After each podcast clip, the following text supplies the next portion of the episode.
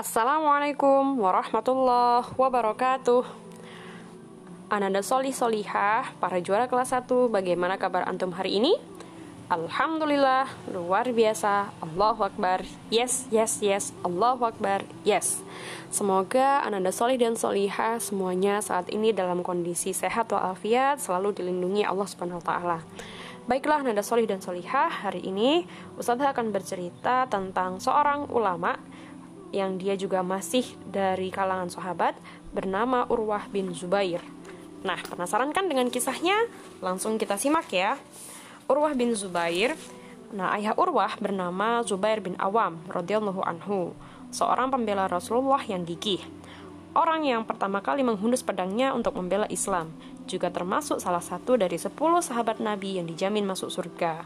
Urwah lahir menjelang berakhirnya pemerintahan Khalifah Al-Faruq Umar bin Khattab radhiyallahu anhu. Sedangkan ibu Urwah adalah Asma bintu Abu Bakar As-Siddiq. Jadi, Urwah adalah cucu Abu Bakar dan masih memiliki hubungan cukup dekat dengan keluarga Rasulullah Shallallahu alaihi wasallam. Sejak belia, Urwah terkenal gigih dalam mencari ilmu. Beliau mendatangi para sahabat Nabi yang masih tersisa dan menimba ilmu dari mereka. Beliau sambangi rumah-rumah para sahabat Nabi dan hadiri majelis-majelis ilmu mereka. Beliau meriwayatkan hadis dari Ali bin Abi Thalib, Abdurrahman bin Auf, Zaid bin Thabit, Abu Ayyub Al-Ansari, Usamah bin Zaid, Said bin Zaid, Abu Hurairah, Abdullah bin Abdas, Nu'man bin Bashir, juga dari bibi beliau Ummul Mukminin Aisyah radhiyallahu anha. Beliau termasuk salah satu dari tujuh ahli fikih Madinah yang menjadi tempat bertanya kaum muslimin. Wah, luar biasa sekali ya Urwah ini uh, semangatnya dalam menuntut ilmu ini patut kita contoh. Nah, para pemimpin yang solih banyak meminta nasihat kepada Urwah tentang urusan negara maupun agama. Urwah bin Zubair bukan hanya terkenal banyak ilmunya, tapi juga sangat bersemangat beramal. Beliau biasa puasa sunnah meskipun cuaca sedang sangat panas. Wah, ternyata Urwah itu juga orang yang uh, gemar berpuasa. Nah, ternyata selain itu, Umar, uh, Urwah bin Zubair ini juga istiqomah sholat malam meskipun cuaca sedang sangat dingin. Lisan Urwah bin Zubair selalu mengucapkan zikir pada Allah. Beliau juga selalu dekat dengan Al-Quran dan tekun membacanya. Pada siang hari, Urwah membaca seperempat Al-Quran. Pada malam harinya, beliau membaca Al-Quran dengan hafalan dalam sholat malamnya. Urwah sangat menjaga kesempurnaan ibadahnya. Suatu ketika, beliau melihat seorang pemuda sholat cepat sekali. Maka Urwah memanggil anak itu, Nak, kemarilah. Cepat sekali sholatmu, apakah kamu tidak perlu apa-apa dari Robmu? Demi Allah, aku memohon kepada Robku segala sesuatu, bahkan sampai urusan garam dapur. Nah, jadi anak itu tadi ditegur oleh Urwah karena sholatnya sangat cepat. Jadi sholat itu nggak boleh cepat-cepat ya, sholat itu harus khusyuk ya. Urwah bin Zubair juga terkenal sangat dermawan. Urwah memiliki kebun yang luas di Madinah. Di dalamnya ada sumur air tawar yang segar serta pepohonan yang rindang dengan buah yang lebat. Ketika buah-buahannya telah ranum dan membuat orang tertarik ingin mencicipinya, Urwah membuka pintu kebunnya agar orang-orang dapat masuk kebun dan menikmati buah-buahan di sana dengan leluasa. Dan itu semua gratis. Wah, Masya Allah ternyata Urwah ini orang yang gemar bersedekah ya. Suatu ketika, Amirul Mukminin Al-Walid bin Abdul Malik mengundang Urwah agar berkenan datang ke Damaskus. Urwah memenuhi undangan khalifah. Beliau pergi bersama putra sulungnya. Amirul Mukminin menyambutnya dengan penuh sukacita. Urwah dimuliakan dan dilayani khalifah dengan ramah. Nah, kemudian datanglah takdir Allah. Ketika putra Urwah sedang melihat-lihat kuda-kuda istana, tiba-tiba seekor kuda menendang punya dengan sangat kuat. Putra Urwah terpelanting dan akhirnya meninggal. Saat menguburkan putranya, kaki Urwah terkena suatu dan terluka. Rupanya luka itu membuatnya terinfeksi dan menjalar hingga ke petisnya. Amirul Mukminin mendatangkan dokter dari penjuru negeri untuk mengobati luka Urwah tersebut. Para dokter itu sepakat bahwa kaki Urwah harus dipotong agar penyakitnya tidak menyebar ke seluruh tubuh. Nah, dokternya bilang, "Wahai Urwah, kami harus memotong kaki Anda agar penyakitnya tidak membahayakan Anda." Nah, apa jawabannya Urwah? Qadarullah, silahkan. Kemudian para dokter mempersiapkan peralatan untuk memotong kaki Urwah. Mereka telah membawa pisau sayap dan gergaji.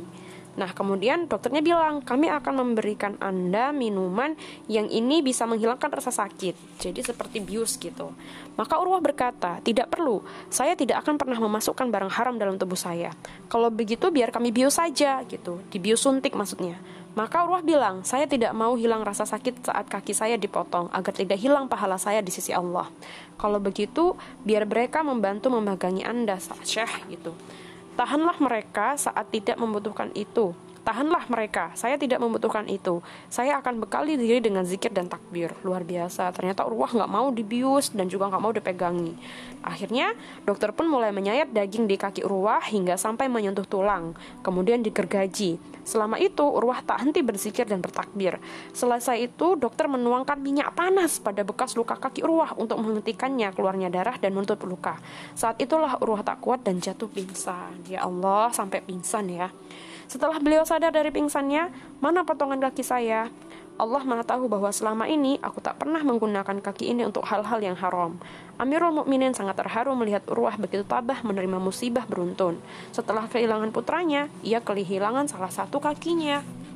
Saat itu, Khalifah kedatangan rombongan Bani Abbas. Salah seorang dari mereka buta matanya. Apa yang menyebabkan Anda buta seperti ini? Gitu. Wah, kemudian orang itu eh, bermenjawab, Wahai Amirul Mukminin, dulu di Bani, Bani Abbas tak ada yang lebih kaya daripada saya dalam hal harta dan juga anak. Saya tinggal di lembah bersama kaum saya. Sampai suatu ketika datanglah banjir yang besar.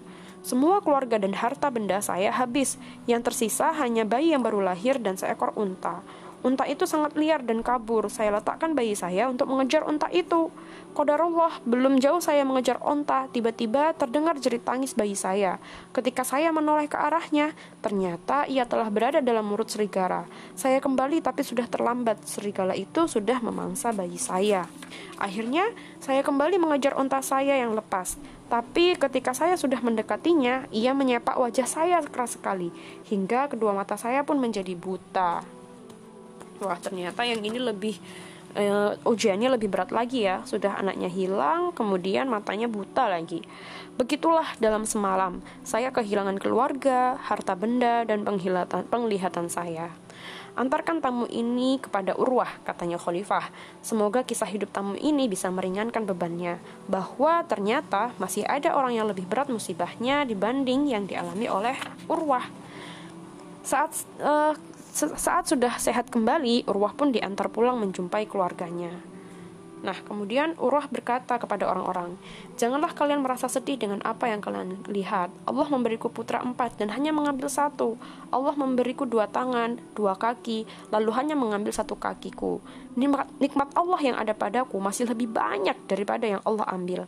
Alhamdulillah, segala puji dan rasa syukurku kepada Allah atas nikmatnya. Masya Allah, ternyata Urwah sekalipun sudah diuji seperti itu, dia masih bersyukur ya ini adalah orang yang patut ditiru uh, karena dia masih bersyukur atas segala kondisinya. Padahal kakinya sudah hilang satu. Sisa usia Urwah beliau gunakan untuk menebar kebaikan. Beliau banyak memberi nasihat yang indah membuat yang mendengarkannya menjadi bersemangat Urwah selalu berkata, tuntutlah ilmu dan kerahkanlah seluruh kemampuanmu untuk menuntut ilmu. Sebab, andai pun sekarang kalian lemah, kelak dengan ilmu Allah akan deraj uh, angkat derajat kalian menjadi pemimpin. Nah, kemudian Urwah bin Subair radhiyallahu anhu juga sangat menganjurkan sedekah. Kata beliau, hakikat sedekah adalah untuk Allah. Oleh karena itu, mestinya kita berikan yang terbaik. Jadi Urwah itu selalu mengatakan, anak-anak, jika kepada penguasa saja kalian inginnya memberi yang terbaik, maka kepada Allah kalian harus memberi yang jauh lebih baik dari yang kalian beri kepada penguasa. Allah Maha Mulia, Allah lebih berhak mendapatkan yang terbaik dari kita. Subhanallah, Masya Allah. Anak-anakku, jika kalian melihat kebaikan pada diri seseorang, akuilah itu baik. Meskipun dalam pandangan manusia, orang itu terlihat jahat, sebab perbuatan baik akan diikuti perbuatan baik lainnya. Jika kalian melihat perilaku jahat ada pada diri seseorang, waspadalah, meskipun dia tampak baik di hadapan orang, sebab perilaku jahat akan mendorong perilaku jahat berikutnya.